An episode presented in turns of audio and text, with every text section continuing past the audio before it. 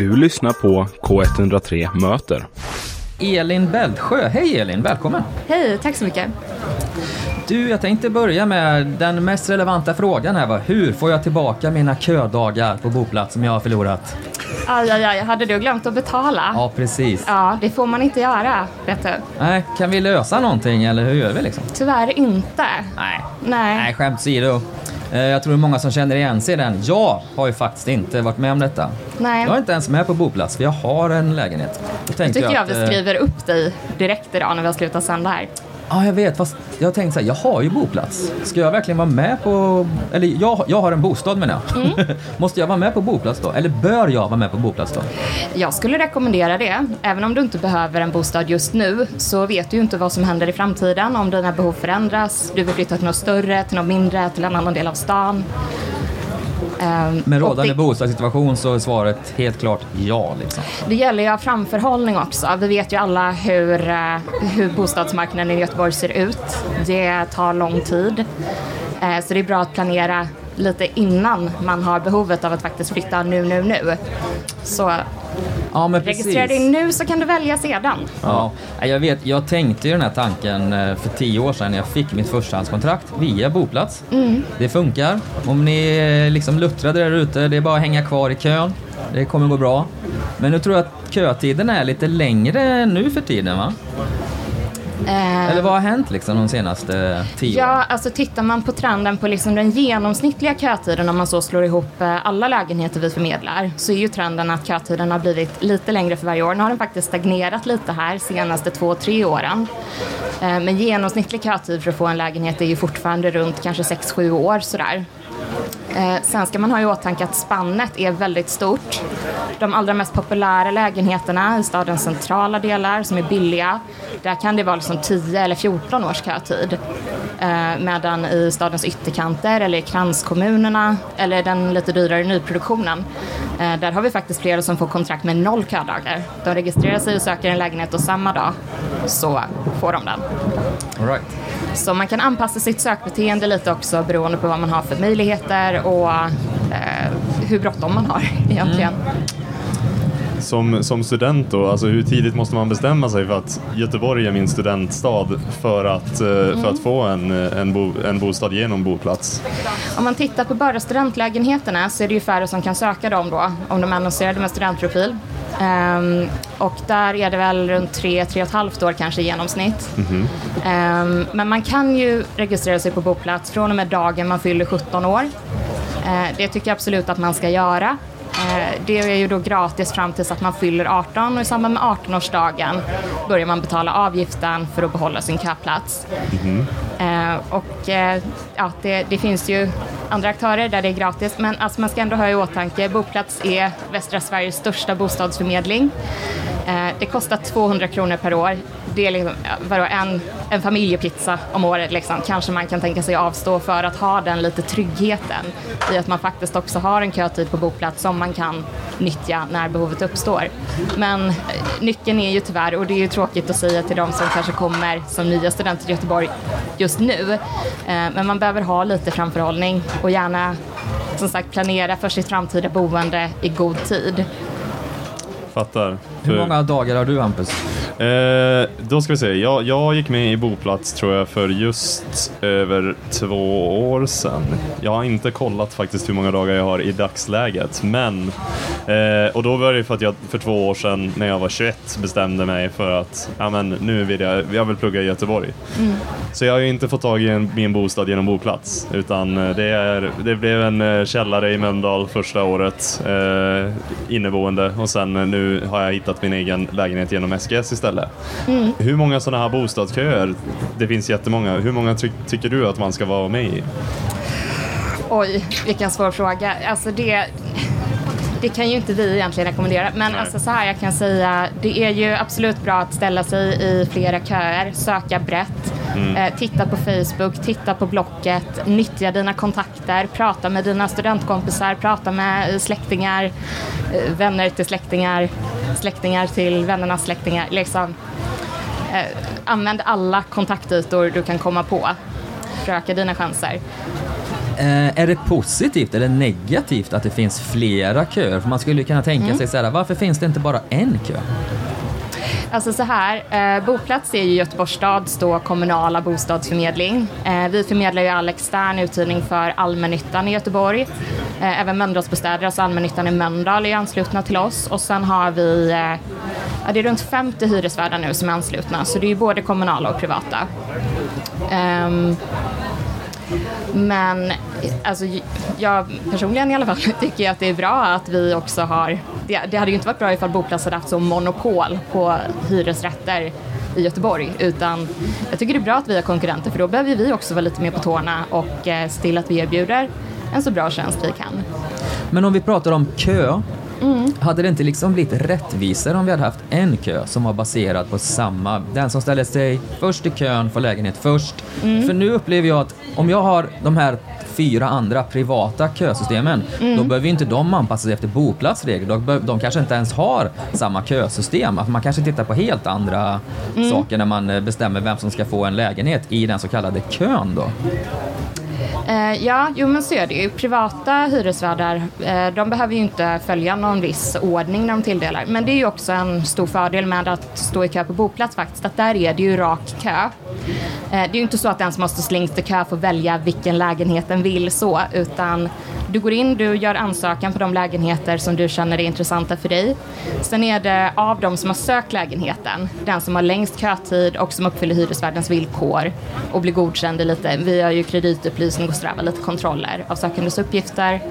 Då är det den som får kontraktet, så det sker ju ingen liksom eh, behovsprövning, ingen förtur, eh, liksom inga subjektiva bedömningar alls.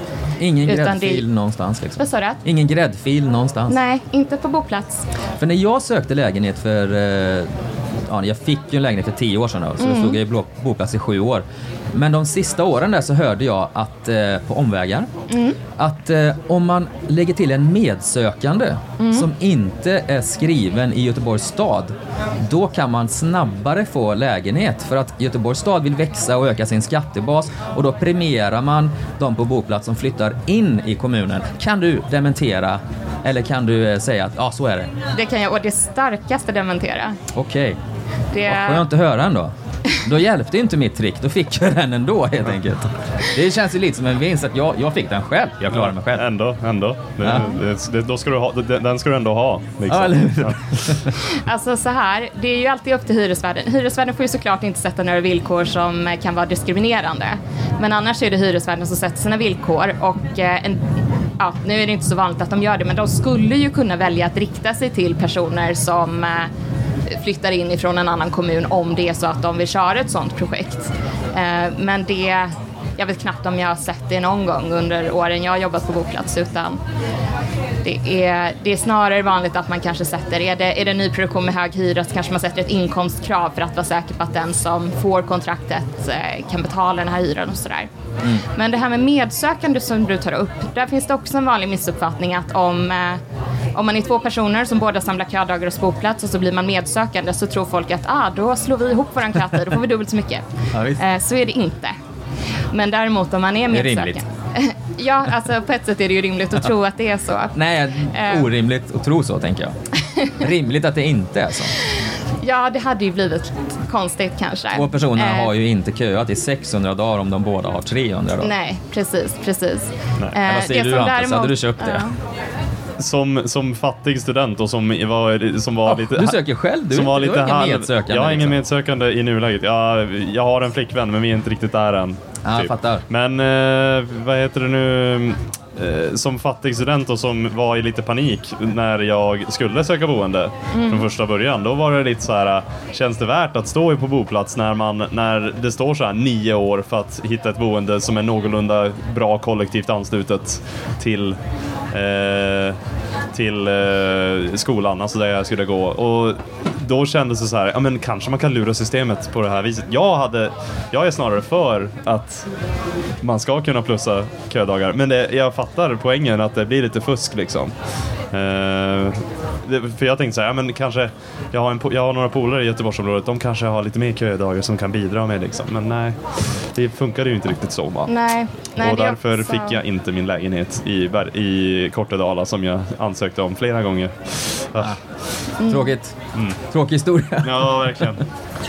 Men eh, vart är det då lättast att få en lägenhet i Göteborg? Vilka områden är det som är sådär... eh, Alltså, Minst generellt områdena lite längre utifrån centrum. Om man, om man tänker så här, var, var Vart vill kan jag få en lägenhet bo? imorgon liksom? Du sa att man inte ens behövde ködagar i vissa fall. Nyproduktion.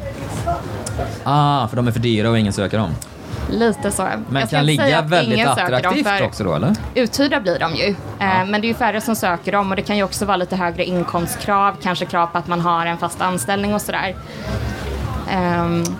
Och Göteborg då, om man, man vill ju att Göteborg ska bli en mer renodlad studentstad. Målet är att vara årets studentstad 2026. Eh, om man vill vara en studentstad och har jättedyra nyproduktionslägenheter, hur, hur går det ihop liksom?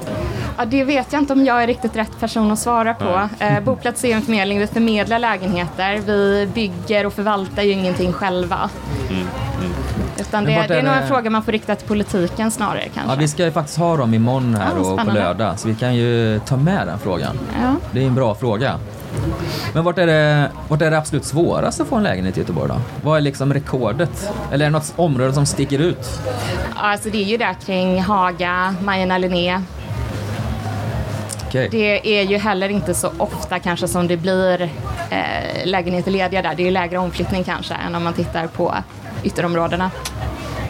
Nedrans, jag som är journalist. Fan, jag skulle bosätta mig i Majerna. Ah, Jag har ju förmånen att få bo i Majerna va? ja, det gör det. Ja, det är gott. Men sju år tog det. Mm, mm. Knappt i alla fall. Nu är det väl 14 eller något sånt där säkert. Ja, vad du ligger det på i Majerna just nu? Har, du? har du koll på ungefär hur många ködagar man behöver i Majerna? Om man tänker Stigberget eller Mariaplan, de här Alltså, lite mera Så här som sagt, vi... heta delarna Ja. av Majerna. Ja, alltså vi publicerar ju regelbundet så, som sagt, genomsnittliga kötider och vi försöker också att kommunicera ut vad, som sagt, vad spannet är. Eh, det är jättesvårt att svara på så, ja men om jag vill ha en lägenhet i Majerna, exakt hur lång tid behöver jag? Det, för det beror ju på vilka andra som har sökt just den lägenheten. Är det någon som kommer där och har stått i kö i 14 år och söker den, ja då blir det ju kanske den personen som kniper det här kontraktet. Ja, men något snitt ungefär. Jag tänker Hampus, här, vart Mm. är ditt drömboende i Göteborg? Om du får, om du får peka liksom. Mitt dröm... Inom rimlighetens eh, gränser nu, inte högst upp i Karlatornet liksom. Nej, utan- jag, jag är ju faktiskt en stark motståndare till Karlatornet. Jag tycker inte att det är, Oj, oj. En, det är en bra satsning. Shots fired. I alla fall. Eh, drömboendet i Göteborg. Alltså, jag vet inte om drömboendet är just i Göteborg. Jag trivdes Nej, väl... nej, men om vi tänker så här, nu är vi i Göteborg, du är student. Ja. Vart hade du helst flyttat om du fick eh, peka på en eh, adress liksom? En Imorgon? adress. Ehm, Du ska ha råd att bo där också då. Liksom. jag gillar Sandarna, gör jag. Mm. Det, det är trevligt. Precis lagom distans från sen, det här smack dab centrum. Eh, jag, jag är småstadskille liksom, så jag gillar, ju, jag gillar ju ändå att ha den här lilla småstadskänslan runt omkring mig. Eh, det lummiga område som jag bor i nu är Kaverös och det är också jättefint tycker jag. Eh, mot, åt Högsbohållet. Eh, också riktigt mysigt. Och Men- Sandarna, vad har Hampus? Vad, hur många i snitt, vad skulle du gissa? Hur många dagar behöver han? Alltså väldigt mellan tummen och pekfingret. Ja. Om vi pratar genomsnitt och sagt spannet kan vara stort. Kanske runt 10 år om man tittar på genomsnittlig kötid i Ja, de men- delarna av stan. Det är Då ändå... hinner du doktorera och börja liksom Ja, jag eh, postgrad och... Jag höll på att säga, eftersom att jag är journaliststudent, då kommer jag ju kanske, liksom, om tio år, då lär jag kanske få min första fasta anställning, höll jag på att säga. perfekt, Med tanke, med tanke på, Ja, med tanke på jobbutsikterna på, i den branschen liksom. Ah, ja. Just det. Eh, finns det några guldkorn på boplats just nu sådär som man ska passa på att söka om man... Eh, är det någon sån här, oj den paradlägenheten där Linné ligger ute på boplats nu? Eh, Går, går snacket så på kontoret ibland liksom bara, oh nu har den kommit? Ja, jo men det kan det absolut göra när Ja. det är sådana här ganska ovanliga objekt. Om vi får ut så en, en fyra i Vasastan med stuckatur eller liksom sekelskifteslägenhet. Sådana kommer ju inte så ofta. Eh, De brukar ju betinga riktigt, riktigt lång kötid då. Men eh, Vad, brukar en, vad kostar en fyra i Vasastan? Alltså det beror på, i och med att vi inte har fri eh, hyressättning eller marknadshyror i Sverige så kan de ligga, alltså faktiskt i de här mest populära centrala områdena så kan hyrorna ligga ganska lågt. Okej. Och det får man ju också ha i åtanke om man som sagt nyproduktionen, det är en högre hyra men då är det också en hög standard. Det är en helt nybyggd och fräsch lägenhet.